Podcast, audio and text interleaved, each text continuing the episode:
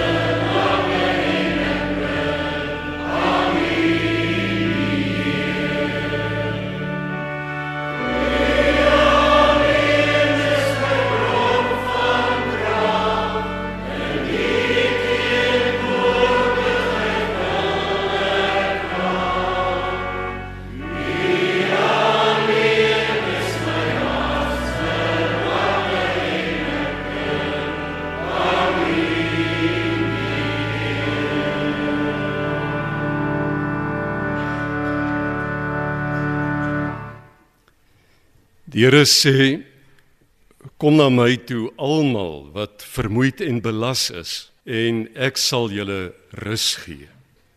Geliefdes genade vir julle en vrede van God ons Vader van Jesus Christus ons Heer en van die Heilige Gees. Amen. Kom ons besing nou die lof van die Here deur saam te sing uit Lied 212 Loof die Heer Hy is goed, laat alles in die groot heelal die Here loof.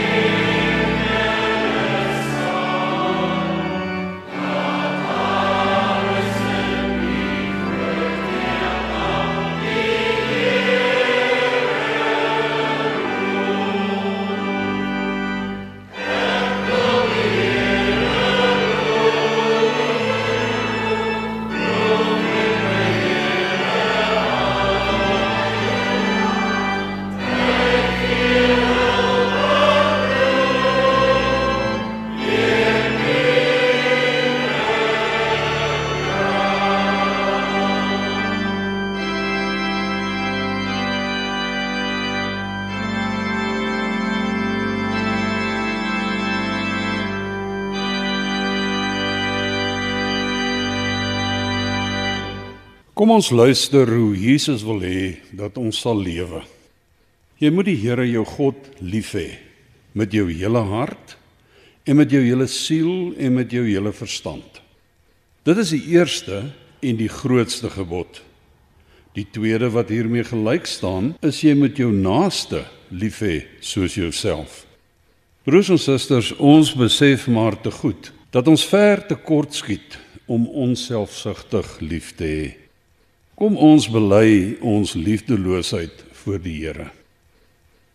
Genadige Here, ons bely dat ons teen U in gedagte, woord en daad gesondig het.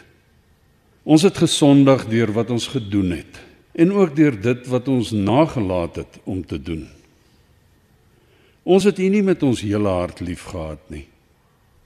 Ons het nie ons naaste soos onsself liefgehad nie.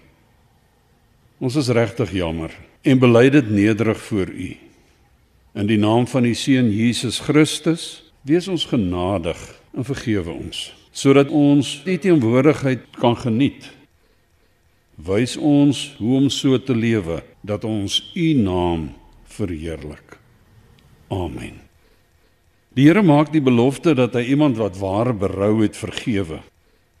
Kom ons bely nou ons geloof in die drie-enige God, Vader, Seun en Heilige Gees deur gesang 454 strofe 1, 2 en 3 saam te sing.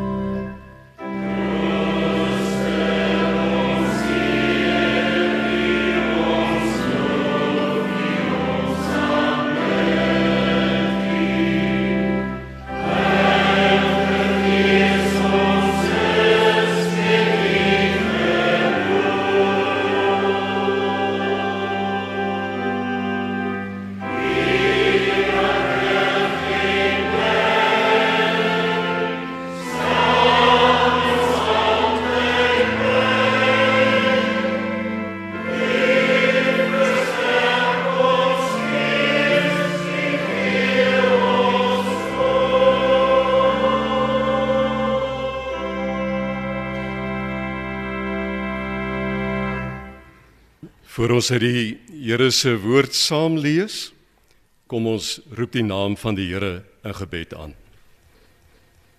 Ons driemaal heilige God, Vader, Seun, Heilige Gees, ons aanbid U, want U is God van altyd af en U sal God wees tot in ewigheid.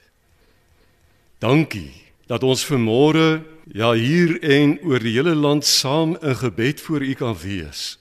Saam kan aanbid en die grootsheid en die goedheid kan loof en prys. En so bid ons Here vir U kerk in die wêreld. Daar waar gelowige kinders van U vervolg word. Waar die swaar kry van die stukkenheid van hierdie wêreld mense plat druk en sonder hoop laat.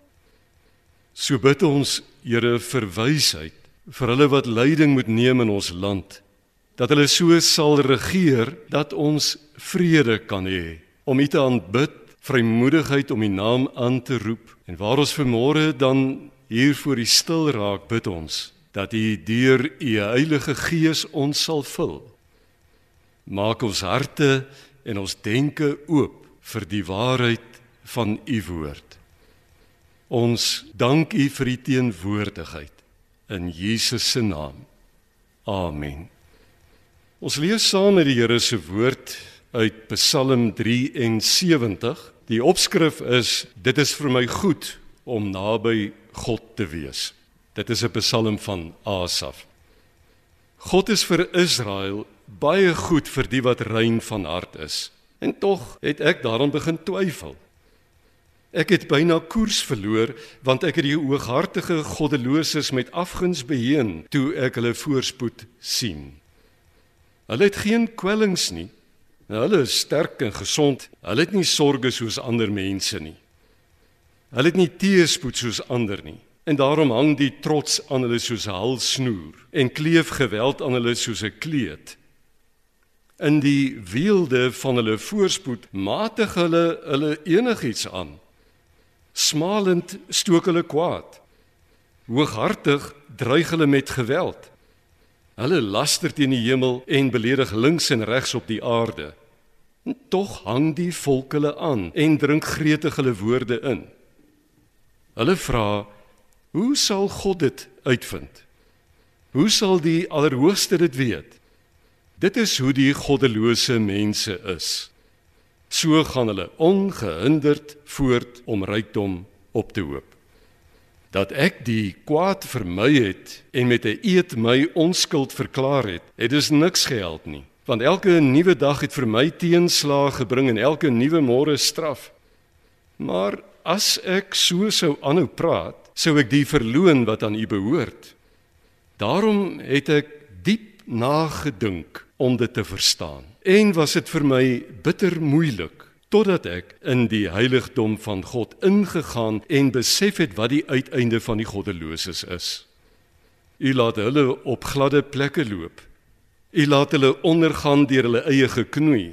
In 'n oogwink word hulle iets afgrysliks, gaan hulle te gronde, tref 'n verskriklike einde hulle.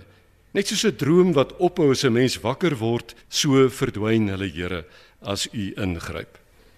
Toe ek verbitter was en veronreg gevoel het, was ek dom en sonder insig. Soos 'n redelose dier het ek my teenoor u gedra. En tog was ek nog altyd by u, want u vat my aan die hand. U lei my met u raad en aan die einde sal u my in ere by u opneem. En daar is niks in die hemel of op die aarde wat vir my meer beteken as u nie. Al is ek afgetakel na liggaam en gees, God is my sterkte. Aan hom behoort ek vir altyd. Die wat ver van U af is, gaan verlore. U vernietig die wat aan U ontrou is. Maar wat my aangaan, dit is vir my goed om naby God te wees. Ek het die Here my God gekies as my toevlug en ek sal van al U werke bly vertel. Tot sover die skriflesing. Die Here Jesus het gesê dat elkeen wat sy woorde hoor en in hom glo wat hom gestuur het, die ewige lewe het. Hy sê ons kom nie meer in die oordeel nie want ons het klaar uit die dood na die lewe toe oorgegaan. Broers en susters en liewe luisteraars, in ons land staan ons daagliks verpletter oor die barbaarse wreedheid van sinnelose moorde. Ons kinders is om elke hoek en draai uitgelewer aan die moontlikheid van mensehandel. Ons kan hulle nie eers alleen laat nie. En ons is verleë oor ons onvermoë om iets daarin te doen. Die koronavirus stroop onbeheerst soos 'n engel van die dood die lewens van derduisende mense. En ons vra: Wat het God hiermee te maak? Hoe pas hy in die prentjie in? Asaf kom op 'n stadium in sy lewe waar hy nie meer hond haar af kan maak oor God nie. Hy het deur 'n baie lang worsteling met God gegaan en aan die einde van sy worsteling dan bely hy God is vir Israel baie goed vir die wat rein van hart is.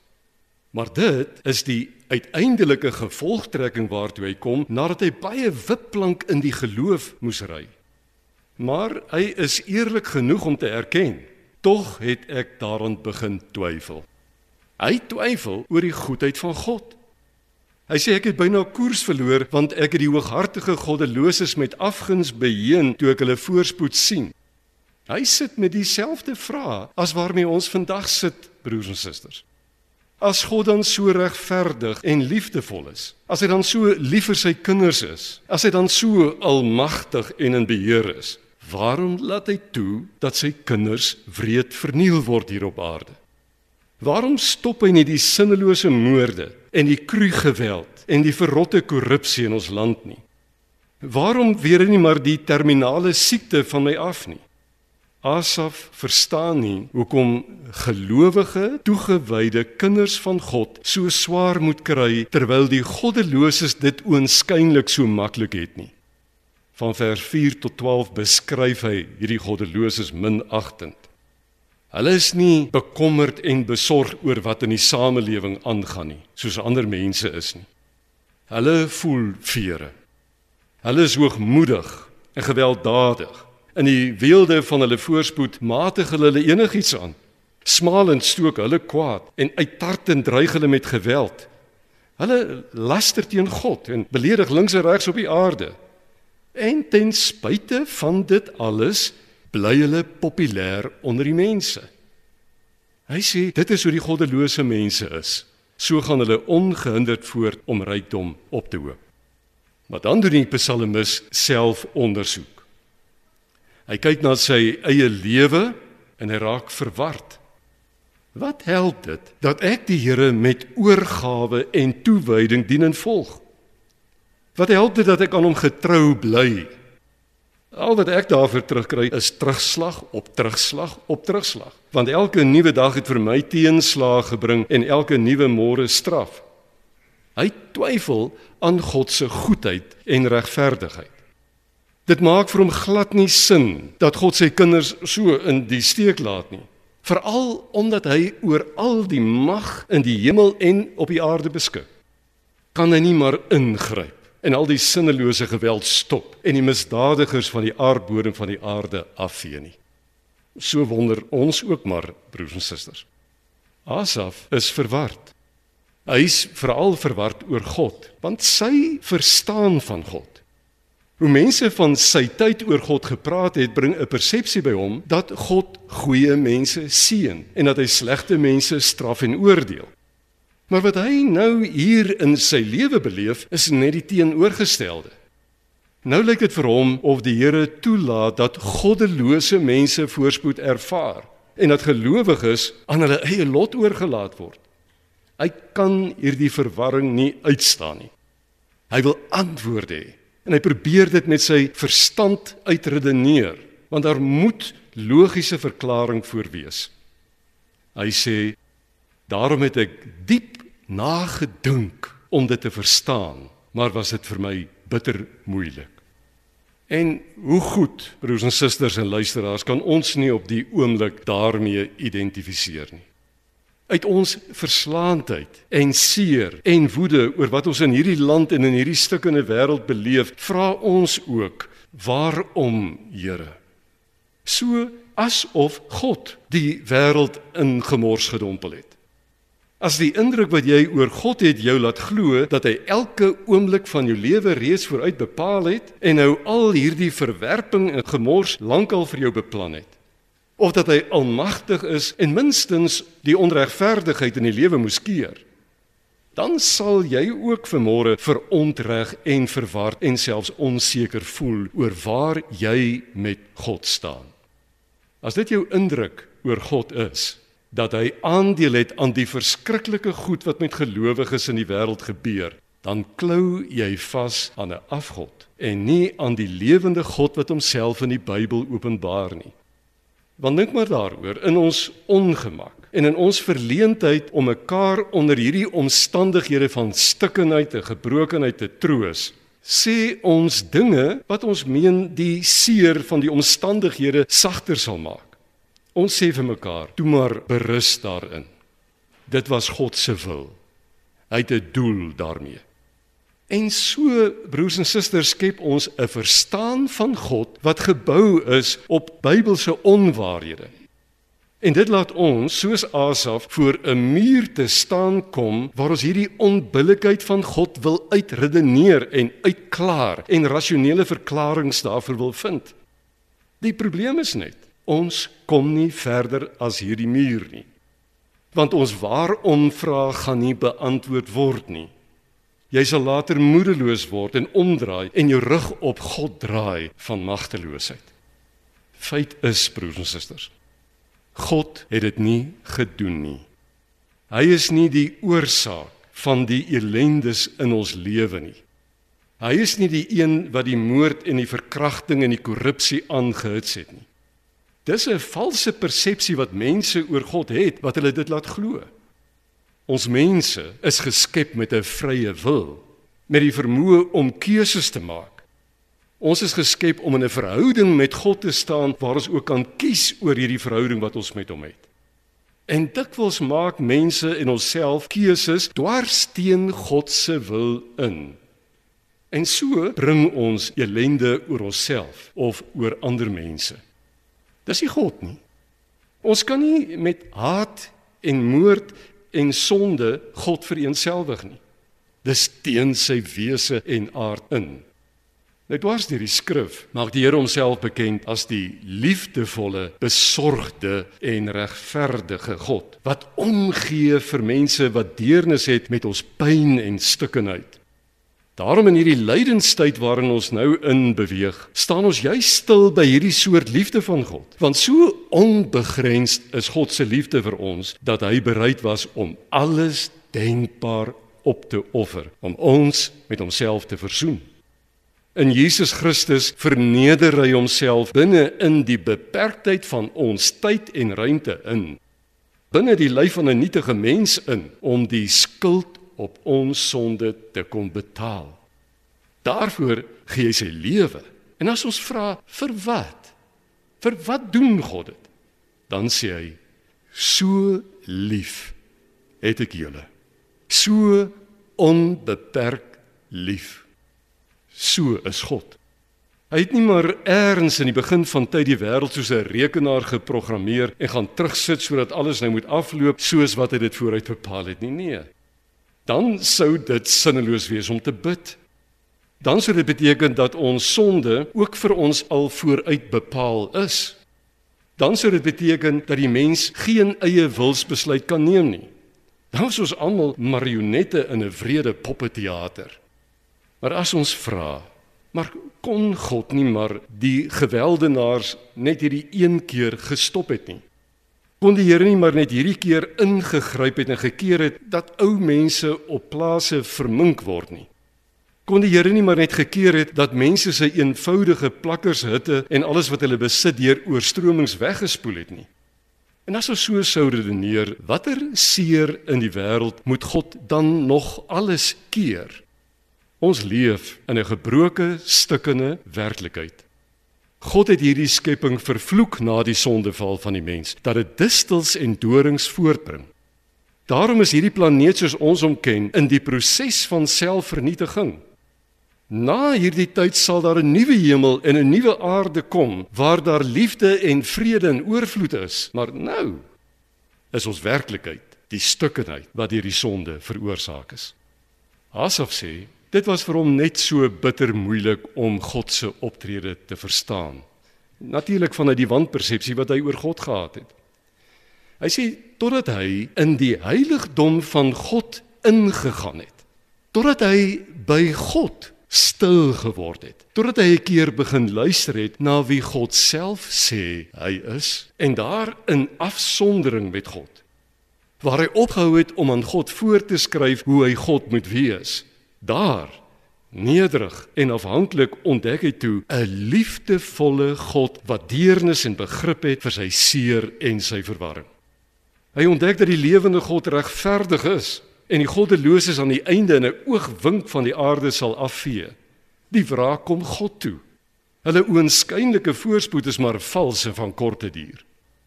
En so in die teenwoordigheid van God raak hy dan intens bewus van sy eie verwaandheid en sy arrogansie teenoor God. Hy skaam hom vir homself as hy besef toe ek verbitter was en vir onreg gevoel het, was ek dom en sonder insig. Soos 'n redelose dier het ek my teenoor U gedra.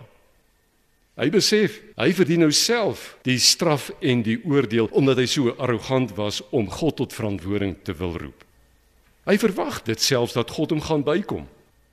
En dan, net in die volgende oomblik as hy dink dis nou verby met hom, God gaan hom oordeel, dan maak hy die onbeskryflike ontdekking wat hom na sy asem laat snak. Hy sê: "Tog, ten spyte van my hardkoppigheid, was ek nog altyd by die Here." Die Here het hom toe nie verlaat en afgeskryf nie. Maar die Here doen nog meer. Hy sê: "U vat my in die hand. U lei my met u raad en aan die einde sal U my in ere by U opneem." So is God. So onbeskryflik genadig, so vol begrip vir 'n verwarde mens in pyn. Hy draai nie sy rug nie. Selfs al voel dit soms vir ons of ons nou van God en mense verlate is, dan verseker hy ons dat hy ons nie vir 'n oomblik uit sy hand laat glip nie. Nie vir 'n oomblik nie. Hy het geen begeerte om ons te veroordeel of af te skryf nie. En dit weet ons as Nuwe Testamentiese gelowiges tog te goed. Wat hy in Jesus Christus te duur betaal om ons te behou. Hy het met sy bloed sy lewe betaal. Dit het hom intense vernedering en bloedvergietende hamerhoue en eensame godverlatenheid gekos. Hy het alles denkbaar opgeoffer om ons te behou vir hom. En binne in ons eie pyn en verlatenheid en die stukkenheid in hierdie wêreld waarin ons leef, kom verseker hy ons dat hy sal die kwaad wat oor ons lewe kom vir ons ten goede laat meewerk vir die wat hom liefhet in Romeine 8. En dis hoe die Here by ons ellendige gemors in ons lewe betrokke is. Hy vra ons moet hom vertrou. Hy pak nie ellende op ons nie. Dit is deel van die stukkenheid van hierdie wêreld. Maar hy omhels ons binne in ons pyn. Hy dra ons deur. Hy maak iets van hierdie gemors wat ons heler en dieper en ryper aanderkant uitbring. Dit is wie God is.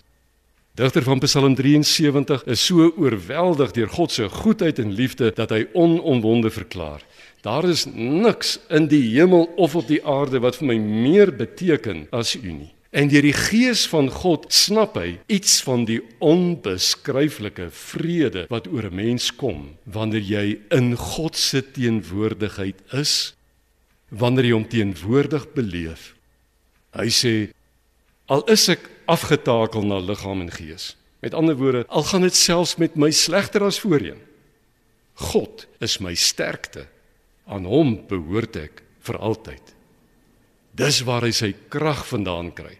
Ek het die Here my God gekies as my toevlug. Ek sal van al sy werke bly vertel. Broers en susters, ons kan niks sê wat die pyn wat ons stikkende sondige werklikheid oor ons bring laat verdwyn nie. Daar moet ons nog deurgaan want ons is in die gebroke werklikheid. Maar die onbeskryflike troos is, ons sal nie 'n enkele oomblik uit God se hand ontsnap nie. Daarvoor het hy ons te lief. Die psalmis sê ek het die Here my God gekies as my toevlug. Die vraag is wie sal ons kies as ons toevlug? Amen. Kom ons dank die Here saam. Hemelvader, net by U is 'n mens veilig. Net in U teenwoordigheid vind ons vrede. Wanneer ons met ons verstand hierdie werklikheid van ons wêreld wil uitredeneer, dan loop ons onsself vas teen doodloopstrate. Daar is so baie Here wat hulle rug op U draai omdat hulle 'n ander God verwag het omdat hulle self wil besluit hoe God moet wees. Vergewe ons wanneer ons ook in daardie versoeking kom. Dankie dat ons weet al woed dit om ons. Al raak ons wêreld deurmekaar, al knel die droogte. U is God. U is in beheer en U is by ons. Daarvoor loof en prys ons U naam in Jesus Christus ons Here. Amen. Kom ons antwoord die Here op sy woord deur saam te sing Gesang 518.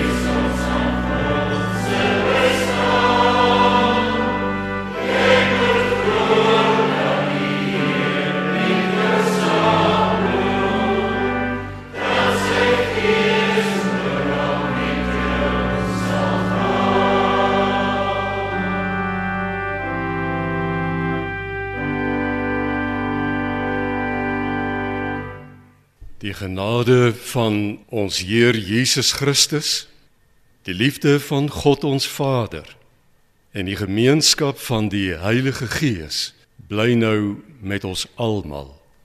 Amen.